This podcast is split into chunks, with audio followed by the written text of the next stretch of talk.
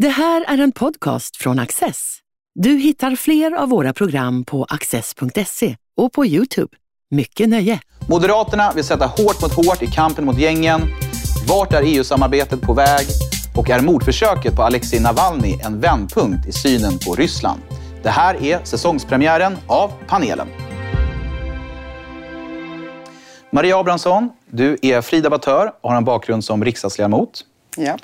Erik Hörstadius, du är journalist. Torbjörn Elensky, du är författare. Ja, Och varmt välkomna alla tre, säger jag till er. tackar. Tack. Det grova våldet och gängkriminaliteten dominerar ännu en gång den svenska samhällsdebatten. I veckan presenterade Moderaterna en rad åtgärder för att bryta den negativa utvecklingen. Däribland dubbla straff för gängkriminella, visitationszoner och anonyma vittnen. Det som väckt mest uppmärksamhet är förslaget om att det ska bli enklare att utvisa utländska medborgare som misstänks för grova brott utan att någon dom har fallit. Maria, tycker du att Moderaterna är rätt ute med de här förslagen? Ja, De flesta förslagen är ju hämtade från eh, Danmark och eh, det har jag inga problem med. Jag tror att vi alla upplever Danmark som en rättsstat. Eh, Och så att, eh, den debatten tycker jag man kan lämna det här. Men det är klart det här lite mer kontroversiella förslaget, att kunna utvisa utländska medborgare utan fällande dom, det kan ju låta liksom rätt uppseendeväckande. Men vi har ju den ordningen i Sverige idag när det gäller eh, eh, lagen om utlänningskontroll. Eh, Det är ju, jag menar, islamister och eh, imamer under våren här har ju då Säpo gått ut och sagt att man vill utvisa. Eh, Och det har ju inte begåtts några brott ännu, men man har misstänkt att det kan ligga i farans riktning. Så det har inte jag några problem med. Eh, däremot så kan jag väl ha lite synpunkter på, och det gäller inte bara Moderaterna utan rent generellt i, i svensk inrikespolitik idag, att eh, de här straffhöjningarna det pratas om hela tiden, det ena och det andra ska, ska, ska få strängare straff. Fler gärningar ska straffbeläggas. Eh, man missar ju det helt väsentliga så att säga och det är ju att de här straffhoten måste ju också någon gång infrias. Det vill säga gärningsmannen måste gripas. Och jag tror det är där vi i Sverige faktiskt behöver skärpa till oss. Svensk polis måste bli bättre på att gripa de misstänkta brottslingarna. Vad tänker du, Erik? Ja, en sak som är väldigt bra med det som händer nu, det är att vi har en ordentlig diskussion med skarpa förslag om hårdare straff. Det finns ju en olycklig myt som har liksom hemsökt det svenska samhället länge. Bland annat påeldad av, av många journalister, politiker på vänsterkanten framför allt och inte minst eh, våra ledande kriminologer som har signalerat att hårdare straff inte hjälper för att lösa brottslighet. Men man kan ju fråga sig vad som hände när Donald Trump bestämde att man skulle kunna åka in på tio års fängelse om man rev statyer i USA. Plötsligt så blev man av med de här liksom, statyvältningarna. Ehm, hur många tjejer går omkring och dricker rödtjut i kort kjol i Saudiarabiens huvudstad Riyadh? Alltså det är försvinnande få. Det är klart att hårda straff hjälper. De måste också exekveras. Du kan inte bara ha hårda straff i boken, de måste också gälla. Men det är väldigt bra att vi tycks nu göra upp i Sverige med den här, som sagt, mycket olyckliga myten om att, om att det skulle på något sätt vara meningslöst att införa hårdare straff. Ehm, en annan sak som den här debatten eh, påminner oss om är hur senfärdiga vi har varit på att belysa problemen med brottsligheten. Inte minst i de områden där människor har svårast att flytta därifrån, lägst inkomster, minst möjlighet att skydda sig, eh, knepigast uppväxtmiljö för sina barn. Och där har man låtit det gå. Medan man kunde sitta i, i vita medelklassenklaver och låtsas som att ja, brottsligheten ökar inte, business as usual, inga problem. Eh, nu, nu belyser vi de här eh, delarna av samhället där folk har, har svårare att leva anständiga, bra, heliga liv. Och det är bra. Och sen så får man leva med att vissa förslag ter sig lite... Alltså, Vissa är ju väldigt nära alltså rättssäkerhetsjobbiga tankar om det här med att man... eh, men Som Maria säger, vi, vi har ju rätt att slänga ut folk även om de inte är dömda för brott. Men, men det är klart att vi måste ju titta på rättssäkerheten också innan det blir skarpa förslag. Men jag det får bara inflika där, för att när det, alltså i svensk lagstiftning, om detta är en nyhet, så, så bör den ju då stickas hål på för att eh, utländska medborgare har inte samma rättigheter att vara i Sverige som svenska medborgare. Det är liksom rätt basic. Eh, och eh, vi har en underrättelsetjänst i Sverige för att förhindra hot mot den inre säkerheten. Och eh, kan då underrättelseverksamheten fånga upp sådana signaler att här, här är det fara och färde då ska vi avskärma, då ska vi utlämna dem från Sverige. Och jag tycker att det är ingen dramatik i detta. Och jag tycker att när vi nu hör de här rösterna så kommer de ju oftast från det hållet som vi är vana vid att, att få den typen av invändningar. Och Det är ju från, det är från vänstern framför allt, så att säga. Och eh, svensk kriminalpolitik är viktigare än så. Torbjörn, vad är dina tankar? Ja, jag tycker att det är så typiskt att man i Sverige hakar upp sig på en sak, en typ av problematik och en typ av lösning i taget ofta. Nu är det bara gäng och klaner som gäller. Gäng och klaner, gäng och klaner. Det finns ju flera saker som driver kriminalitet av olika slag. Inte minst när det gäller ungdoms, eh, våldsamma ungdomsbrott så tror jag verkligen att eh, vissa typer av sociala medier spelar in. Det här att man filmar, delar vidare och så vidare. Det var ju så Isis rekryterade på sin tid och det driver även rätt stor del av våldsbrottsligheten skulle jag säga. Man ser klipp, det delas klipp i informella grupper. Det finns ju rätt mycket sånt där som är bortom kontroll och det inspirerar. Sen väl det här med utvisning, så jag tycker att man ska absolut vara stenhård när det gäller att upprätthålla eh, Eh, medborgarskapets värde generellt. Det har man ju velat urholka, har jag en känsla av, ganska mycket under senare år här. Man hela tiden försöker, man vill ge rättigheter till folk som är så att säga papperslösa på olika sätt. Man utvidgar där hela tiden. Det är, inte, det är inte bra tror jag. Men sen undrar jag hur många av de här gängmedlemmarna som man vill komma åt är det egentligen som inte är medborgare eller har uppehållstillstånd? Alltså hur, hur många procent av dem blir man av med genom att utvisa folk? Det nej, verkar ju rätt, rätt konstigt. Nej, nej, absolut. Och det är väl det jag menar. Att, alltså, tonläget i svensk kriminalpolitik idag är ju ohyggligt uppskruvat. Um, det hade tjänat på om vi alla kunde liksom diskutera lite mer balanserat och, och så. Men, men, ja, och, och dessutom vill jag säga då, inte för att vara någon softie här i soffan, men man måste ju kombinera... Jo, sådana behövs också. Absolut, men man måste ju kombinera att det ska vara fungerande skolor. Fungerande ja, ja. socialvård. Ja, men det där har vi hört hela tiden. Ja, fast man måste kom kombinera det med straff. Om man bara sätter in straff, det är, ju som, det är lite Nej. som att slänga in gästen efter degen i ugnen. Jo, liksom. men det är liksom. inte så att det perspektivet har varit frånvarande i svensk debatt. Man har inte följt upp det heller ja, det, har, det har kastats in enorma miljarder i, i de här förorterna. Däremot har det inte följts upp om de gör nytta. Det är, det är stor, storvulna projekt eller, och det finns, det finns en massa problem med alltså, socioekonomiska problem som inte bara löses med pengar. Men, men en sak som, nu ska vi då eh, vara lite glada att Stefan Löfven mycket, mycket eh, senfärdigt har kommit att dela den eh, uppfattning om verkligheten som hela svenska folket redan hade. Att det finns kopplingar mellan brottslighet och invandring. Mm. Ett, ett, en välfärdsstat som eh, öppnar sig som världens största syltburk utan lock för människor från hela världen dit man kan komma och både begå så att säga, välfärdsbrott, alltså plocka ut från allmänna kassor och det kan vara eh, hemtjänst, eh, personliga assistansföretag och massa annat. Och sen så gammaldags helig brottslighet, om det är rån eller, eller stöld och sådana saker. Eh, det, det, här har lockat till sig människor från eh, stora delar av världen som inte vill göra rätt för sig i Sverige. Och det har ju varit mycket bristande ID-kontroller, ålderskontroller och allt möjligt. Det finns en koppling mellan invandring, eh, som den sorts invandring Sverige haft och kriminalitet. Nu, mm. nu är det erkänt och det är bra. Ja, Sen och tycker det... jag man kan, alltså, apropå, vi kommer väl in på det, men detta med klaner i Sverige. Det som kännetecknar klaner är ju att de växer sig starka i länder som saknar rättsstat som saknar liksom en stark statsmakt. Och det är klart att har man kunnat bedriva klanverksamhet i Sverige och begå brott inom klan, klaneriet, om man får säga så, så är det också ett kvitto på att den svenska staten börjar bli ganska svag. Och det, det är också någonting som man får ta till sig. Och nu när man börjar prata klaner kommer man då också tala om Eh, Sveriges liksom inre och yttre säkerhet. Vad kan vi göra för att stärka den? Ja, när det gäller försvarsmakt och sånt så anser man att det är ganska bra om man kan vara överens över partigränser och sånt.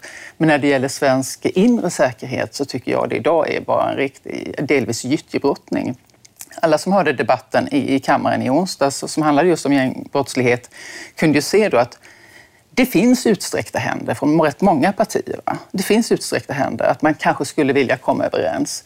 Men det döljs av en retorik som är så otroligt eh, laddad av signalord för att attrahera vem då, undrar jag? Det är en väldigt viktig sak att ta upp där, förlåt Torbjörn. Men alltså, Per Brinkemo, för författaren, samhällsdebattören som tog upp klaner, skrev en bok som heter Klan och stat. Han har jobbat med somalier i Sverige. Han är en person som lyfte fram detta perspektiv med klaner för ganska många år sedan och blev brunsmetad, kallad rasist och så. Och vi har alltså en upptagenhet vid retorik och språk. Man får använda vissa ord men inte andra. Så vi bromsar en jätteviktig diskussion om, om den, den, här sortens brottslighet med släktbaserad, klanbaserad och så vidare. Genom att säga att den som kommer med den sortens budskap kommer i smutsiga ärenden. Och vi får sluta brännmärka folk som försöker beskriva verkligheten. Alltså det där med klaner är naturligtvis väldigt eh, komplext. I grupper med egna språk, egen religiös tillhörighet, släktband och så vidare. Och släktband kan ju definieras på andra sätt än, än vad vi gör det här liksom i Sverige på ganska många håll. De har ju så att säga ofta lojalitet sinsemellan. På gott och ont kan man säga. Det är därför minoritetsgrupper ofta dominerar ekonomiskt, som till exempel kineser i Sydostasien eller libaneser i Brasilien och. Det finns många sådana exempel, indier i Afrika tidigare i alla fall. Eh, men också kriminellt, alltså att vissa familjer, helt Cosa Nostra-familjer, sicilianska maffiafamiljer, det är ju klassiskt, att de har en speciell eh, sammanhållning. Liksom. Det, men det här har ju länge varit tabu att diskutera, eh, så att säga. Men jag tror att vi måste lära oss också för att kunna ta hand om den här brottsligheten på ett effektivt sätt, förstå de här sammanhangen mycket, mycket mer. Hur ser ingruppslojalitet egentligen ut? Inte bara i klaner utan även i språkgrupper och sånt där. Eh, vi kommer få anledning, tror jag, att eh, återkomma till det här ämnet, tyvärr får man väl säga. Mm. Men nu är det dags att gå vidare till veckans andra ämne. Coronakrisen, tuffare klimatmål och en skrotad Dublinförordning. Det var bara några av de saker som EU-kommissionens ordförande Ursula von der Leyen tog upp i onsdagens State of the Union-tal. Ja, det råder knappast någon brist för, på utmaningar för Europa. Frågan är, i vilken riktning är EU-projektet på väg? Ja, Torbjörn, vad tänker du?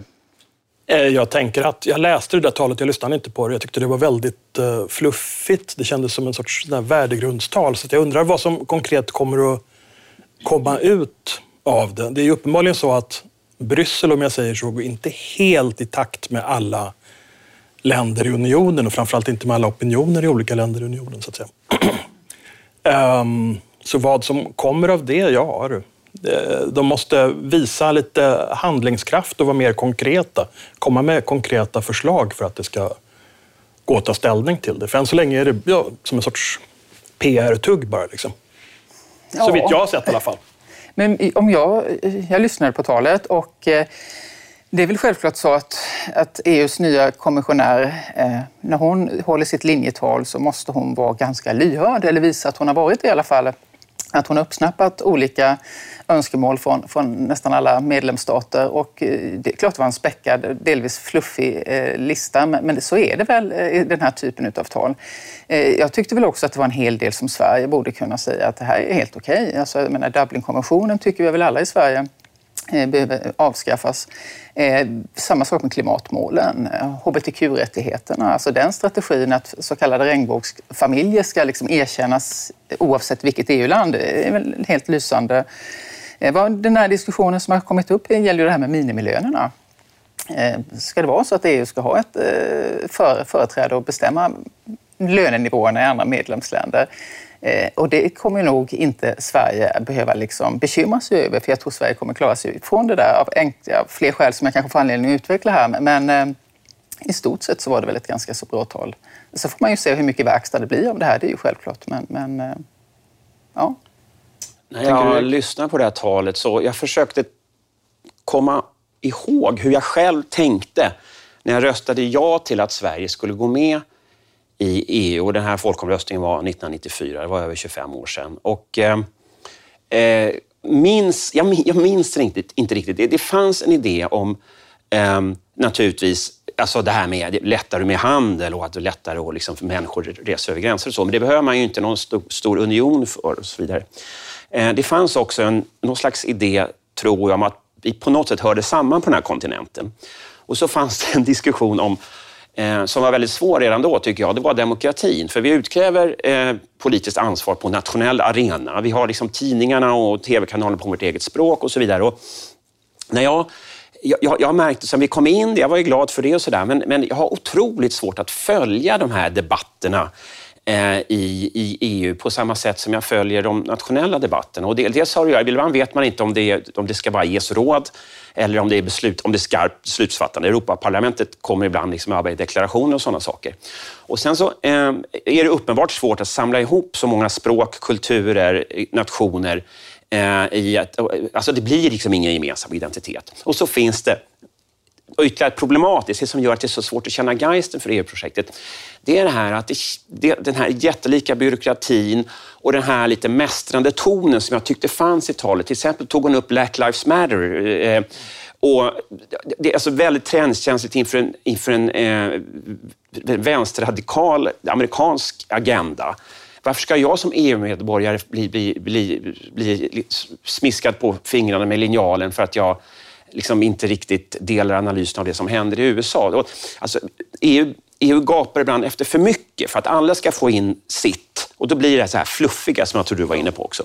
Ja, jag tycker det är väldigt uh, märkligt. Jag, brukar, jag försöker läsa tidningar, italienska tidningar, franska och sånt där då och då. Men ska man följa all debatt i Europa, det är ju ett heltidsjobb. Vi har inga, trots Euronews, inga riktiga såna här gemensamma arenor tycker jag. Liksom. Och det fanns ju en poäng med, när, när Storbritannien var kvar i, i, EU, då fanns det lite grann att, lite grann att vi är med i EU för att bromsa EUs maktambitioner. Ja. Och det var lite bisarrt. Det vill jag gärna haka på, för ja, det, tror, ja, jag, det att, tror jag att Sverige ska fortsätta göra. Ja, det ska vi göra. Av det enkla skälet Men, att vi... Och, det är ganska trist skäl att vara med i en klubb. Nej. Att, nej, att vi är med i klubben för att kunna bromsa klubbens ambitioner. Men jag vill ja, höra dig. Ja. Ja, jo, nej, men faktum är ju att om vi i Sverige inte ska begå samma eller få samma situation som i Storbritannien, att vi får ett alltför stort ökat EU-motstånd som leder till eh, motsvarande Brexit, så måste ju också svenska politiker och Sverige stå för en EU-politik som kan accepteras och tolereras av oss svenskar. Vi betalar ändå så pass mycket. Vi är en av de största bidragsgivarna i EU. Och ska vi inte få reaktionerna motsvarande typ vad fan får vi för pengarna när det gäller EU så måste vi också liksom hålla tillbaka. Eh, så det tror jag Sverige gör helt rätt i. Och, sen så, för att återkoppla till, till eh, Ursula von der Leyens tal då.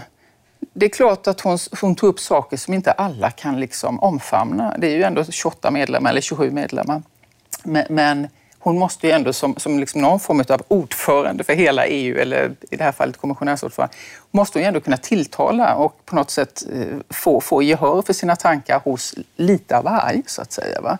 Eh, jag tror att alla som har jobbat nära en partiledare eller politiker eller så där vet ju att ska man gå ut och hålla den där typen av tal så får man inte börja med att göra sig ovän. Hellre lite mesig och mjuk än att vara liksom provocerande. Det är inte en, inte en or, orimlig ambition, men, men det jag tycker det, det, det pekar på denna svagheter med den bristande demokratiska kontrollen, nyfikenheten, identiteten. Absolut. Dess, dessutom är det just exakt det här som eh, provocerar fram, får jag säga, närmast eh, olika populistiska rörelser i många länder. Liksom. Den här fluffigheten, abstraktionen, allmänna godheten. Liksom. Varför skulle inte vi, om vi nu ska ha en, i förlängningen i alla fall, en EU-stat, då skulle vi ju kunna åtminstone få rösta direkt på president. Hon är, är ju så utpräglat hög grad en tjänsteman. Ha, vi vill ju inte ha en EU-stat. Nej, men det är ju bara federalister nej, det, som vill ha EU-stat. Ja, jag vet. Men det är liksom, det är liksom, vi får ju varken eller. Vi kommer, det kommer inte bli någonting av nej. det. Ja. Man måste välja någon deras sidan. Liksom. Hon kan inte uppträda med State of the Union-tal om hon inte har motsvarande typ av jag tror den maktanspråk. Stora, den stora nyheten som, som, som kommer röra EU och också alla oss andra medlemmar, det är ju vad, vad Ylva Johansson, kommissionären för migrationsfrågor, säger nästa vecka om Dublinkonventionens avskaffande och hur vi gör med den stora integrationsfrågan i Europa, så att säga. Och det fick vi inte reda på så mycket av, i, av Ursula von der Leyens tal eftersom det inte är hennes liksom huvudfråga i det här sammanhanget. Men, men där har vi ju ett jättestort intresse och det handlar ju inte bara om EU utan det handlar ju om vår liksom integrationspolitik vår kriminalpolitik. Det handlar ju om väldigt, väldigt mycket. Och där, där måste ju EU då, om jag säger det, det är ett exempel på det EU borde ha en helt annan roll. För det stora problemet, menar jag, det är inte att folk flyr är ett problem, men problemet är ju att folk flyr från länder. De här länderna måste vi på något sätt förhålla oss till på ett konstruktivt mm, fungerande mm. sätt. De regimer som folk flyr från borde vi bryta banden med helt enkelt. Så borde vi inte ha kontakt med dem. Uh, och de som då inte har flyktingskäl borde man bara returnera helt enkelt. Det är inte så lätt det heller. Ingenting av det här funkar. Det ser vi vilka enorma problem det blir i Italien, i Grekland, de länder som faktiskt är första linjen. Och jag vill påpeka att jag tror att det kommer att bli en oerhört mycket större flyktingkris inom kort, kanske redan nästa år eller inom två år på grund av att det är enorma mängder folk i rörelse.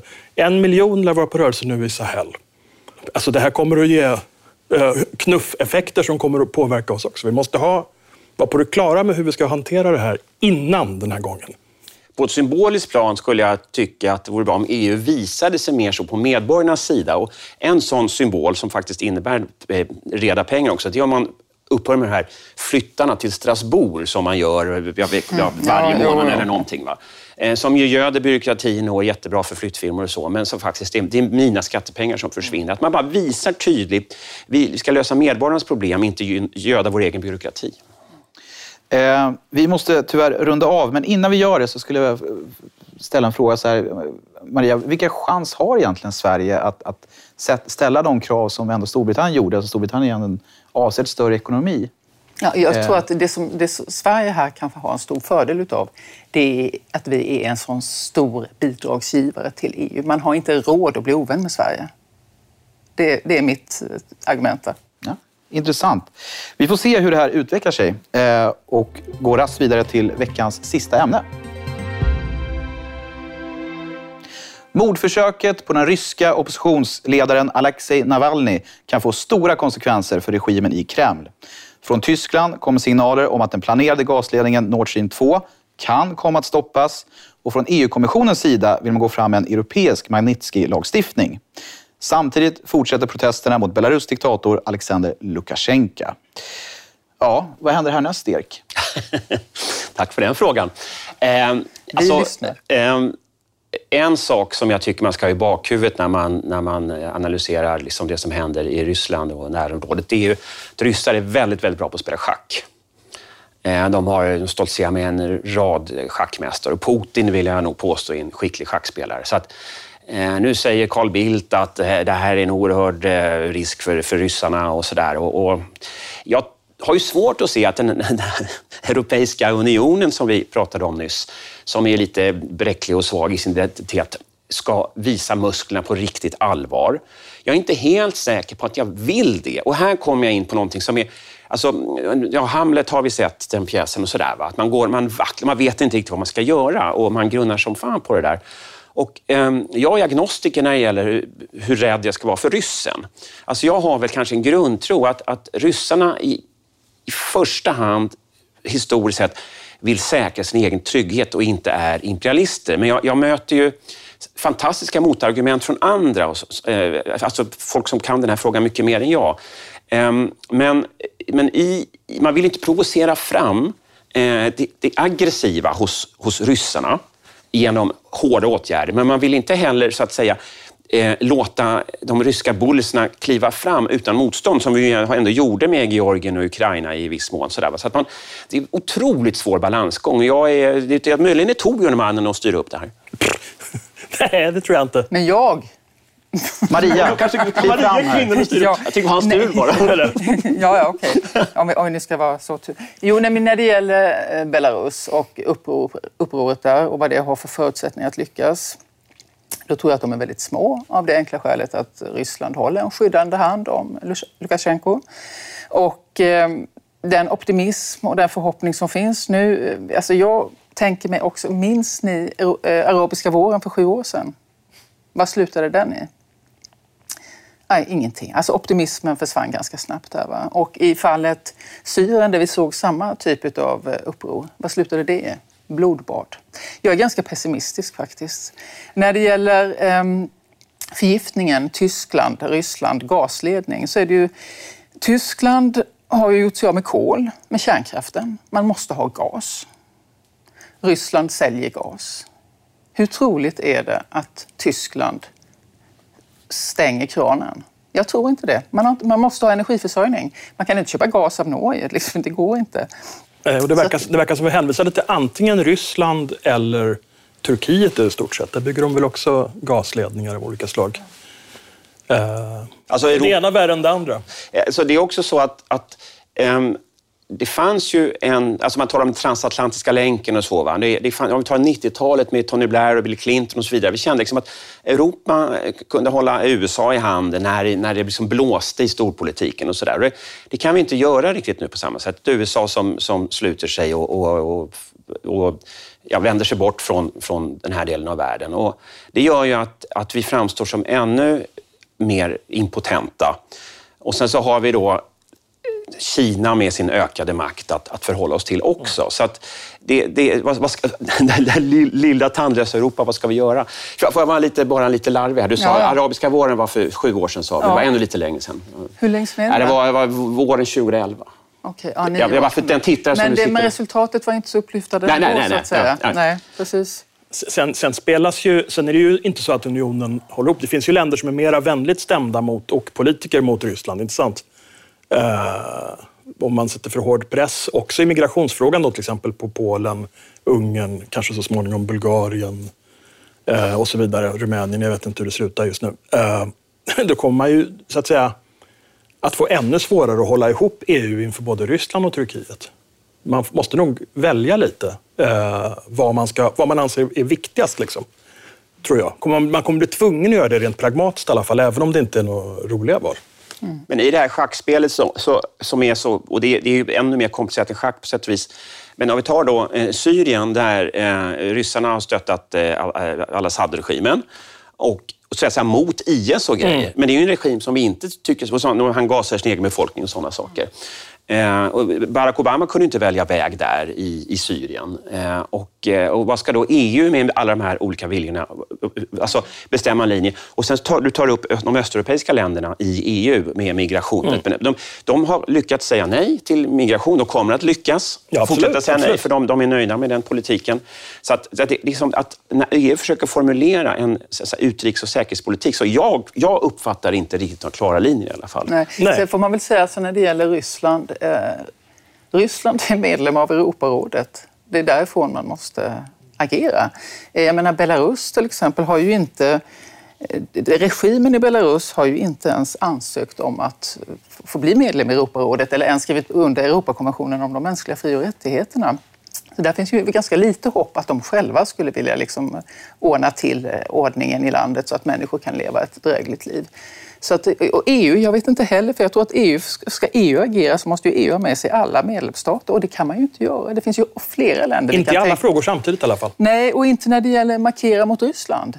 Det går ju inte. Va? Det finns ju flera länder som inte skulle gå med på det. Sen, sen apropå, eftersom du nämner Syrien och Obama, så måste jag säga att jag tror fortfarande att det här, när Obama säger att det är en red line som de inte får passera, för annars och sen gör han ingenting när de passerar linjen. Det tror jag Med den här gas, gasattacken? Ja, Ja. Det, det, det tror jag är faktiskt kanske det mest ödesdigra som har hänt på senare år. För att det är efter det som alla, Assad förstås, men även, även eh, Putin, Erdogan och så vidare, har insett att ja, men det är ju inget farligt. De gör ju ingenting. De pratar och har kommittéer och skickar lappar.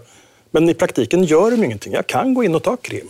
Jag kan expandera in i norra Syrien. Nu är det ju krigshot dessutom i östra Medelhavet runt eh, Cypern och sånt där. Kring just gasfyndigheter också under vattnet. Och Erdogan är säkert helt tvärsäker, som det verkar nu på hans retorik, på att ja, men vare sig EU eller USA, de gör ju ingenting. Jag kan trycka på, trycka på, trycka på. Ja, vi får se om det kommer fortsätta fungera. Eh, jätteroligt att ha er alla här. Stort tack för att ni har tittat. Du har just lyssnat på en podcast från Access. Du vet väl att vi också är en tv-kanal och tidning? Teckna en prenumeration idag på access.se.